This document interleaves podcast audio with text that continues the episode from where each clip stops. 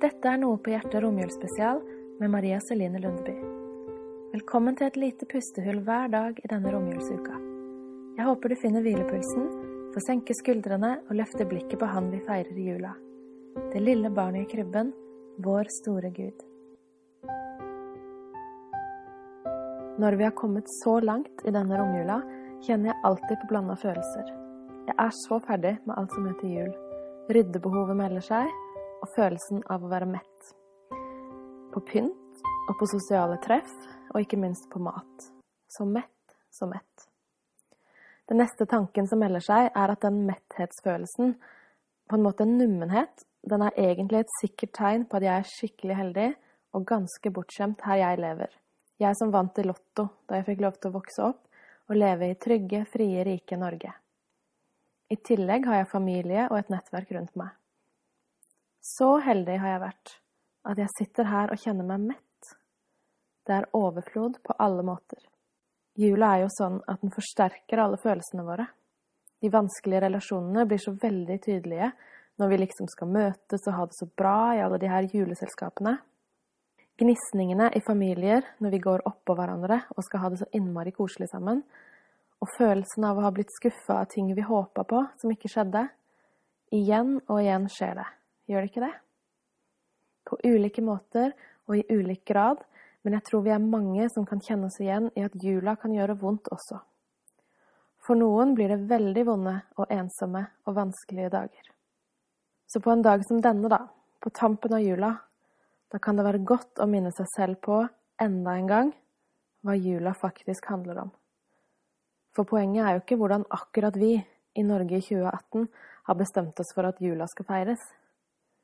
Poenget er at Jesus kom.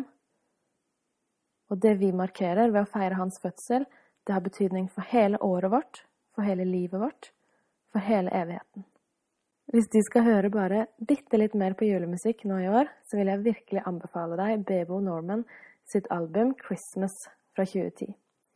Hans tekster minner meg år etter år på at julas budskap har evighetsbetydning for oss. Det er litt annerledes tekster enn de tradisjonelle julesangene, men de tar utgangspunkt i det lille barnet i krybben og ender i tilbedelse av den store Gud, Jesus som døde for våre synder. I høst har jeg jobba med et bibelgruppeopplegg om bergprekenen, og da har jeg spesielt tenkt mye på saligprisningene i Matteus 5. Salig er de som er fattige i ånden, for himmelriket er deres sier Jesus helt i begynnelsen av sin lange tale. Jeg har blitt minna på at jeg er fattig i ånden, og det er helt avgjørende for min tro på Jesus at jeg forstår hva som er sannheten om meg. Jeg tror på det Bibelen lærer meg om mennesket, og at det gjelder meg. Jeg er en synder som ikke kan ha en nær relasjon til Gud. Jeg er fattig i ånden. Uten Jesus er jeg fortapt. Men sannheten er at når vi innser det, da er vi salige. Vi er lykkelige, og vi er heldige for idet vi innser at vi er fortapt, da kan vi virkelig forstå hva Gud har gjort da han sendte Jesus til jord. Han ga oss evigheten i gave. Himmelriket er vårt, og vi har fått muligheten til å ha en levende relasjon til Gud selv. Hver eneste dag, hvert eneste sekund. Vi er aldri mer alene. Vi lever sammen med vår skaper, Han som elsker oss så uendelig høyt. Salige er de som er fattige i ånden, for himmelriket er deres. Gud vil gi vårt hjerte lys til å forstå hvorfor vi har feira jul, og hvorfor vi skal få feire Jesu fødsel med hele oss, hele året. Jesus han er verdt å satse livet på, og det er min bønn at du skal få erfare det enda en gang, eller for første gang. I Efeserbrevet 1, vers 17-19 står det:" Jeg ber om at vår Herre Jesu Kristi Gud, Herlighetens Far, må la dere få en ånd som gir visdom og åpenbaring, så dere lærer Gud å kjenne. Må Han gi dere lys til hjertets øyne, så dere får innsikt i det håp Han har kalt dere til, hvor rik og herlig Hans arv er for de hellige, og hvor overveldende Hans kraft er hos oss som tror. Og så skal vi få lov til å be Gud om at vi kan erfare det samme Paulus gjorde, i Galaterbrevet 2, vers 19-20. Ved loven døde jeg bort fra loven, så jeg kan leve for Gud.